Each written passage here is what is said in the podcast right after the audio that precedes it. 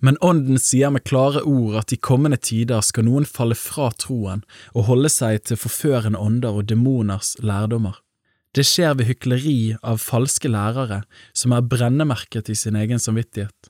Disse forbyr å gifte seg og påbyr å avholde seg fra visse slag mat, ennå Gud har skapt dem til å bli tatt imot med takk av dem som tror og har lært sannheten å kjenne. For alt det Gud har skapt, er godt og ikke noe er å forkaste når det mottas med takk, for det blir hellighet ved Guds ord og bønn. Når du legger dette fram for brødrene, da er du en god Kristi Jesu tjener, som nærer deg ved troens og den gode læres ord som du har fulgt. Men vis fra deg de vanhellige og kjerringaktige eventyrene, øv deg heller i Guds frykt.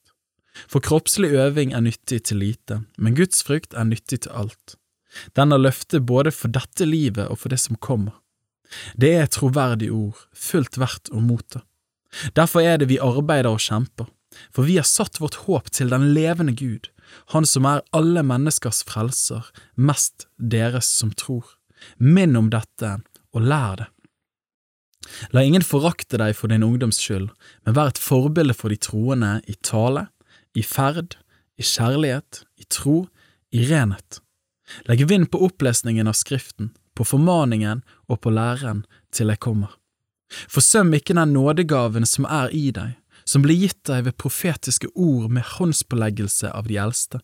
Tenk på dette, lev i dette, for at din fremgang kan bli åpenbar for alle. Gi akt på deg selv og på læren, og fortsett med det, for når du det gjør, skal du frelse både deg selv og dem som hører deg.